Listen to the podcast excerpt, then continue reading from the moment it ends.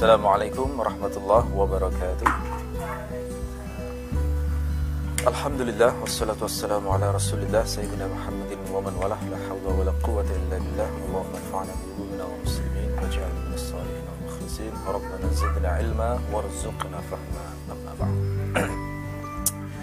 Kita lanjutkan kembali kajian kitab Matan Abu Syuja. Sekarang yang kita bahas adalah zakat emas dan perak Faslun nisabu zahab wal fiddah Sebab tentang nisab emas dan perak. Wa nisabu zahabi wa ishruna misqalan. Nisab emas adalah 20 misqal. Nisab emas adalah 20 misqal. Nama lain dari misqal adalah dinar.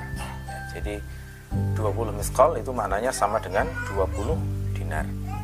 Jadi sebelum emas mencapai 20 dinar, maka belum wajib dizakati. 20 dinar itu seperti apa konversinya? Satu dinar itu setara dengan 4,25 gram emas. Jadi kalau dikatakan 20 dinar atau 20 miskal itu dikalikan 4 dikalikan 4,25 gram emas.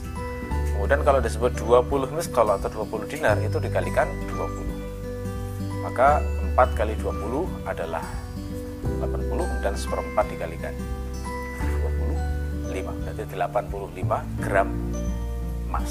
Itu konversi kira-kira dari 20 miskal itu untuk ukuran gram sekarang segitu kalau uang berarti tinggal nanti e, disetarakan aja harga emas satu gramnya berapa. Kalau misalnya satu gram emas harganya 500 ribu misalnya, maka berarti 85 gram emas itu kira-kira sekitar 42 setengah juta ya. Jadi uang ketika mencapai 40 hampir 43 juta itu baru wajib dizakati kalau kita ukurannya nah, mengikuti standar emas ini. Berapa yang dikeluarkan wafihi rubu'ul ushr dan pada jumlah ini itu zakatnya adalah seperempat dari sepersepuluh. Rubu' itu maknanya seperempat. Al ushr itu maknanya sepersepuluh. Jadi rubu'ul ushr maknanya adalah seperempat dari sepersepuluh. Artinya sepersepuluh dibagi empat ketemunya seper 40 jadi zakatnya itu adalah seper 40 kalau dikonversikan ke uh, ukuran persen maka seper 40 ini setara dengan dua setengah persen. Jadi munculnya dua setengah persen itu dari sini sebenarnya. Seper 40 ini dari ketentuan zakat emas dan perak. Wahwa nisfu miskal dan itu setara dengan setengah miskal jadi seperas 40 itu sama dengan setengah dinar. Ya setengah dinar e, berarti 2 gram. Nah, lebih sedikit. Emas ya. Wafi mazada dihisabihi dan apa yang lebih adalah sesuai dengan perhitungannya. Maksudnya kalau misalnya lebih dari 20 dinar atau 20 muskal maka ngitungnya sama seperti ketentuan tadi langsung dilihat seperempat puluhnya ketemu berapa. Dalilnya apa ketentuan ini? Dalilnya adalah hadis riwayat Abu Dawud dari Ali bin Abi Thalib dari Nabi Shallallahu Alaihi Wasallam beliau bersabda, "Faidha kanat laka mi'ata dirhamin wa hala 'alaiha al-haulu fa fiha khamsatu darahim." وليس عليك شيء يعني في الذهب حتى يكون لك عشرون دينارا فإذا كان لك عشرون دينارا وحال عليها الحول ففيها نصف دينار فما زاد فبحساب ذلك Jika engkau memiliki 200 dirham dan sudah berumur satu tahun, maka zakatnya adalah 5 dirham. Dan engkau tidak memiliki kewajiban apapun dalam emas sampai engkau memiliki 20 dinar. Jika engkau sudah memiliki 20 dinar dan sudah berumur satu tahun, maka zakatnya adalah setengah dinar dan apa yang lebih dari itu sesuai dengan perhitungan tersebut. Ini dalil ketentuan dari zakat emas. Sekarang zakat perak, wa nisabul wariqi dan nisabnya mata uang perak. Jadi warik itu adalah mata uang perak ya. E, perlu diketahui perbedaan antara zahab dengan dinar. Antara fiddah dengan warik atau dirham. Apa bedanya? Kalau zahab, az-zahab itu maknanya emas. Emas itu tanpa memperdulikan dia bentuknya adalah emas lantak yang masih belum diolah atau sudah dijadikan eh, bentuk kubus, bentuk bulatan dan lain sebagainya. Yang jelas dinamakan az-zahab itu terjemahnya adalah emas. Tapi kalau disebut dinar atau miskal itu maknanya adalah emas yang dijadikan mata uang.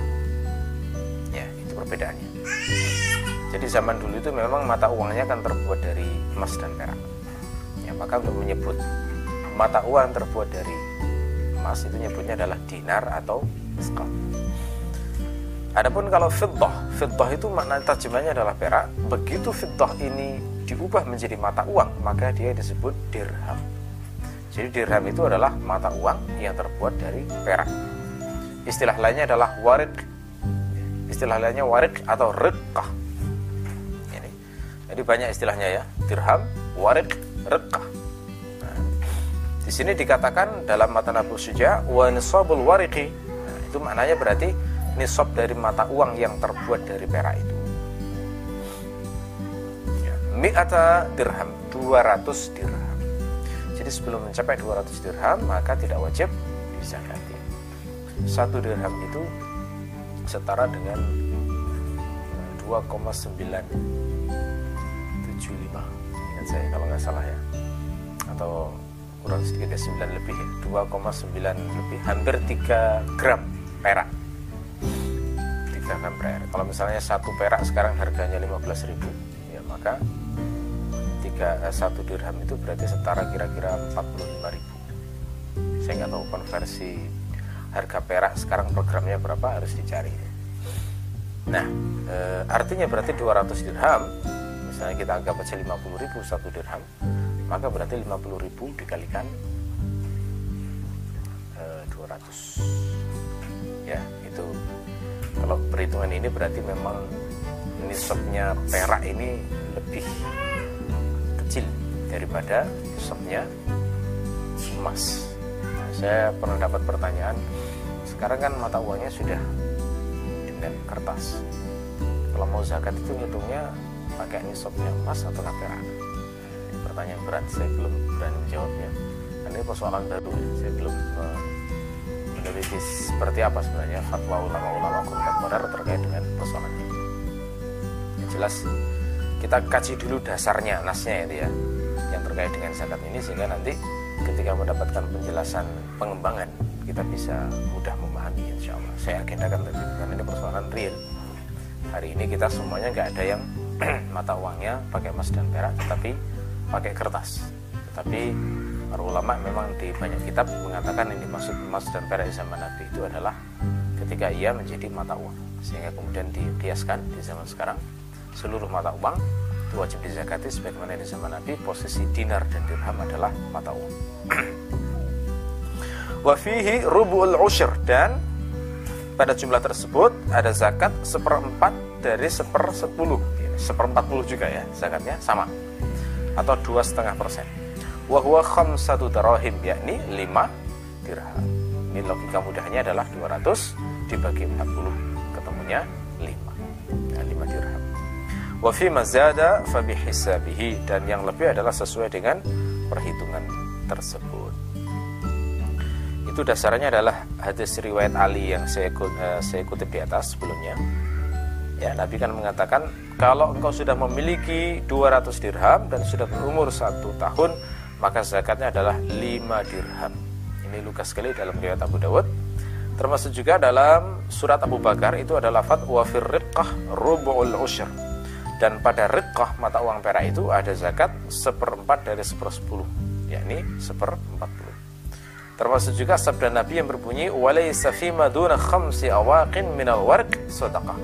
Tidak ada zakat bagi eh, mata uang perak yang kurang dari lima uqiyah. Apa lima uqiyah itu? Satu uqiyah itu setara dengan 40 dirham. Satu uqiyah setara dengan 40 dirham.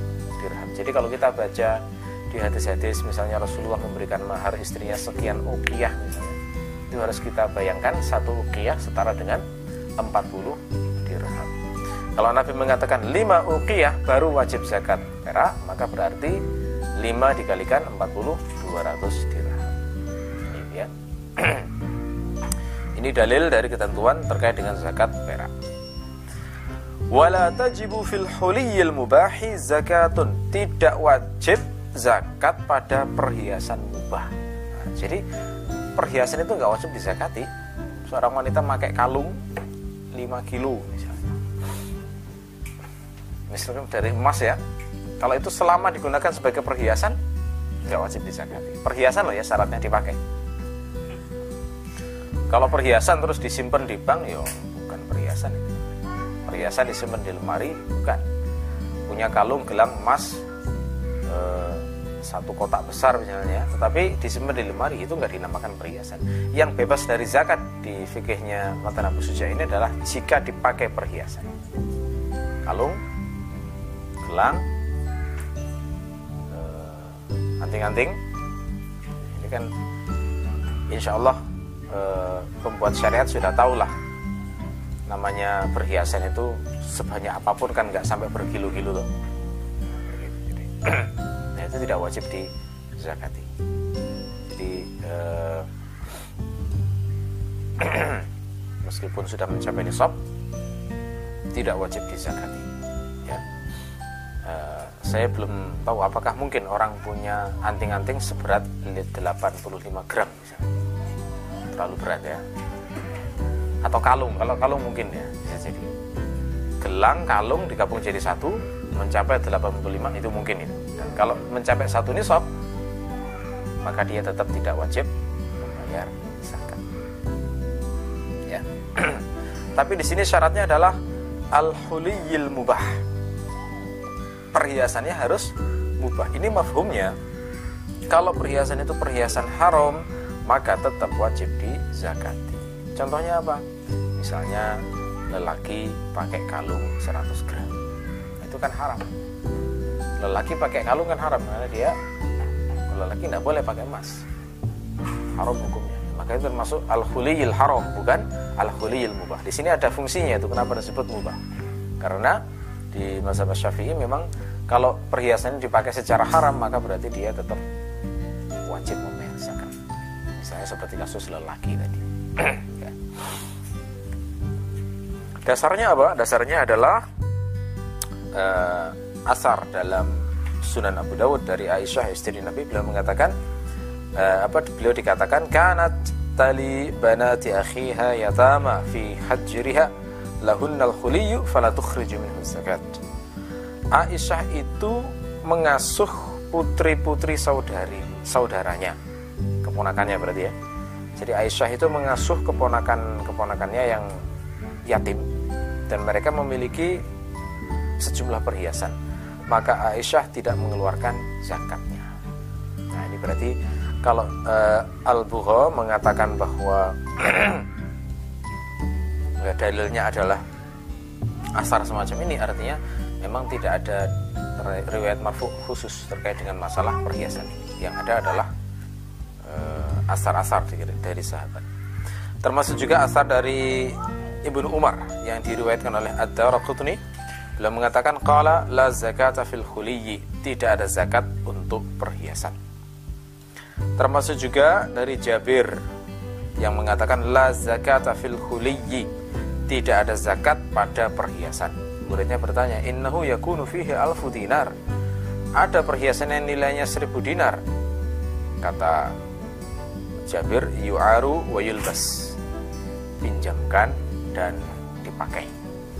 Jadi pokoknya selama selama dipakai, entah itu dipakai sendiri atau dipinjamkan orang lain, pokoknya dipakai, maka itu tidak wajib zakat. termasuk juga fatwa dari tabi'in Al Hasan dan Khilas beliau mengatakan la zakata fil huliyyi tidak ada zakat untuk perhiasan jadi ini ya poin-poin penting terkait dengan zakat emas dan perak dan perhiasan seperti ini penjelasannya. Kita lanjutkan. Faslun nisab zuru' was thimar. Sebab nisab tanaman dan buah-buahan. Wa nisab zuru'i was thimari khamsatu awsuq. Nisabnya tanaman dan buah-buahan. Ya, zuru' jamak dari zar'un, thimar jamak dari samarun, samarun jamak dari samarah. Nisabnya tanaman dan buah-buahan adalah satu ausuk, lima wasak. Apa itu lima wasak? wasak itu apa? Wasak itu ukuran volume di zaman Nabi. Satu wasak itu setara dengan 60 sok. Ya, satu wasak setara dengan 60 sok. Berarti kalau 5 wasak 60 kalikan 5 setara dengan 300 sok. satu wasak itu kalau dikonversikan ke liter berapa? Kalau dikonversikan ke liter angkanya adalah 88,164 liter. Jadi 88,164 liter itu konversi kalau ke ke liter. Kalau ke kilogram maka konversinya setara dengan 130,320 kg. Ya,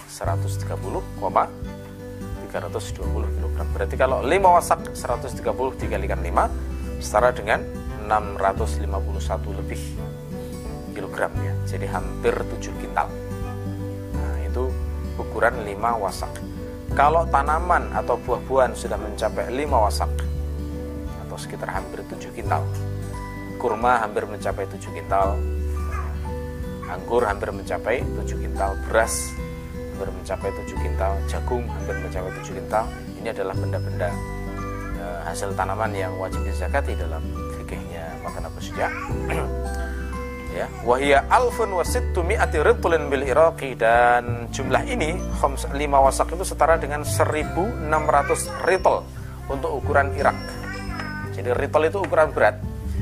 Jadi uh, istilahnya istilah untuk menyebut berat di Irak itu waktu itu dengan nama ritol.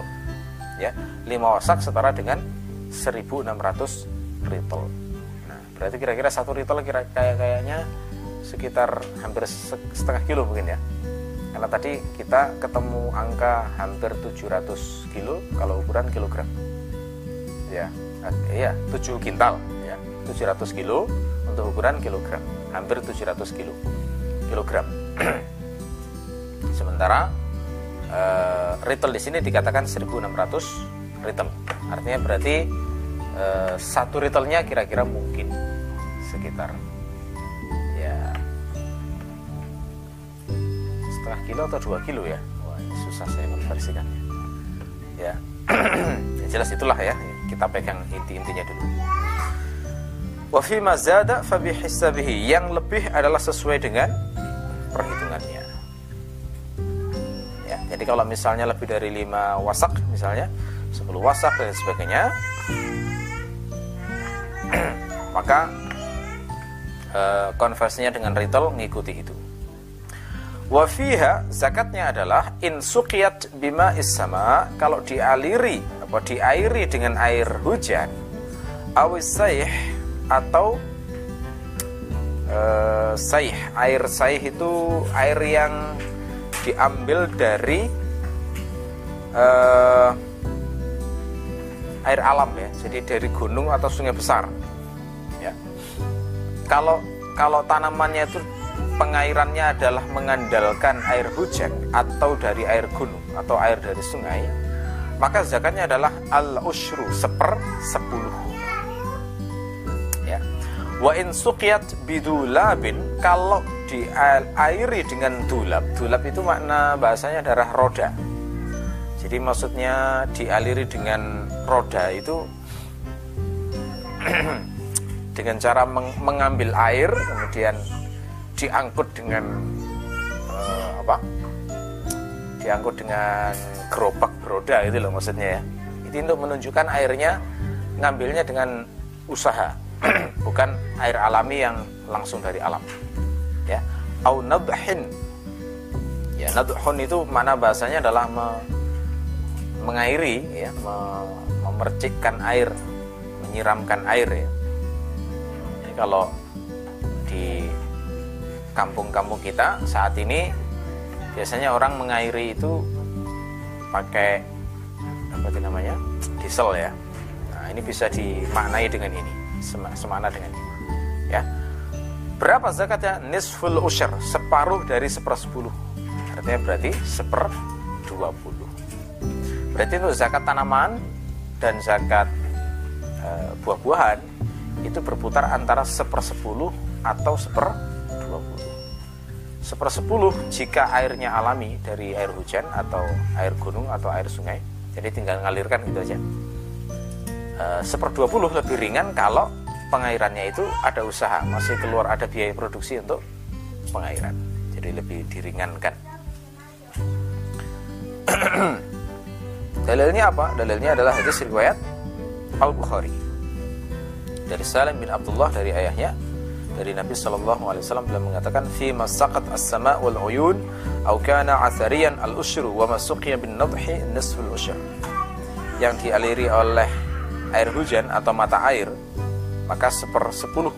Dan yang dialiri dengan pengairan biasa adalah seper eh, setengah dari seper sepuluh. Ya artinya seper dua puluh tadi. Itu dasarnya. Faslun zakatu urud tijarah. Sebab tentang zakat barang dagangan. Wa tuqawwamu urud tijarah inda akhiril hawli bima usturiyat bihi Barang dagangan itu dinilai ya, Tuqawwam dari kata qawwama maknanya adalah menilai Barang dagangan itu dinilai di akhir haul ya, dengan sesuatu yang dibuat membeli jadi dilihat belinya itu pakai emas ataukah belinya pakai perak atau belinya barter.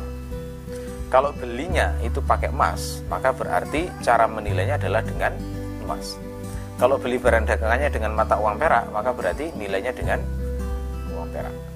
Kalau belinya dengan barang, maka berarti nilainya adalah dengan tetap mata uang, emas atau perak. Wah yukhraju min dzalika rubu'ul usyur dan dikeluarkan darinya seperempat dari sepersepuluh yakni seper empat puluh artinya dua setengah persen bisa kita simpulkan zakat perdagangan itu sama dengan zakat emas dan perak. Ya. Faslun zakatul ma'adin warikaz Sebab zakat tambang dan harta karun. Rikaz itu barang temuan harta karun. Wa mastukhrija min ma'adin adh-dhahabi wal fiddah yukhraju minhu rubul ashar fil hal. Apa yang ditambang dari penambangan-penambangan emas dan perak maka dikeluarkan darinya seperempat puluh seketika saat itu juga. Jadi orang kalau misalnya nambang emas dan perak misalnya seperti yang ada di Kalimantan di Papua dan sebagainya itu maka begitu sudah keluar langsung dikeluarkan zakatnya seper 40 tidak perlu nunggu setahun. Ya, jadi nggak ada haul untuk zakatnya barang tambang.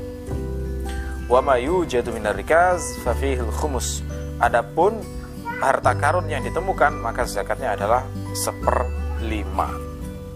Ya jadi seper lima atau seper eh, atau 20 persen ya kalau persentase. Seper lima itu maknanya 20 persen. Dasarnya adalah hadis riwayat Bukhari wa rikazi al khumus untuk barang eh, apa eh, harta harta karun itu zakatnya adalah seperlima. Baik, itu ringkasan dari zakat emas perak, tanaman, buah-buahan, barang dagangan dan barang tambang serta harta karun.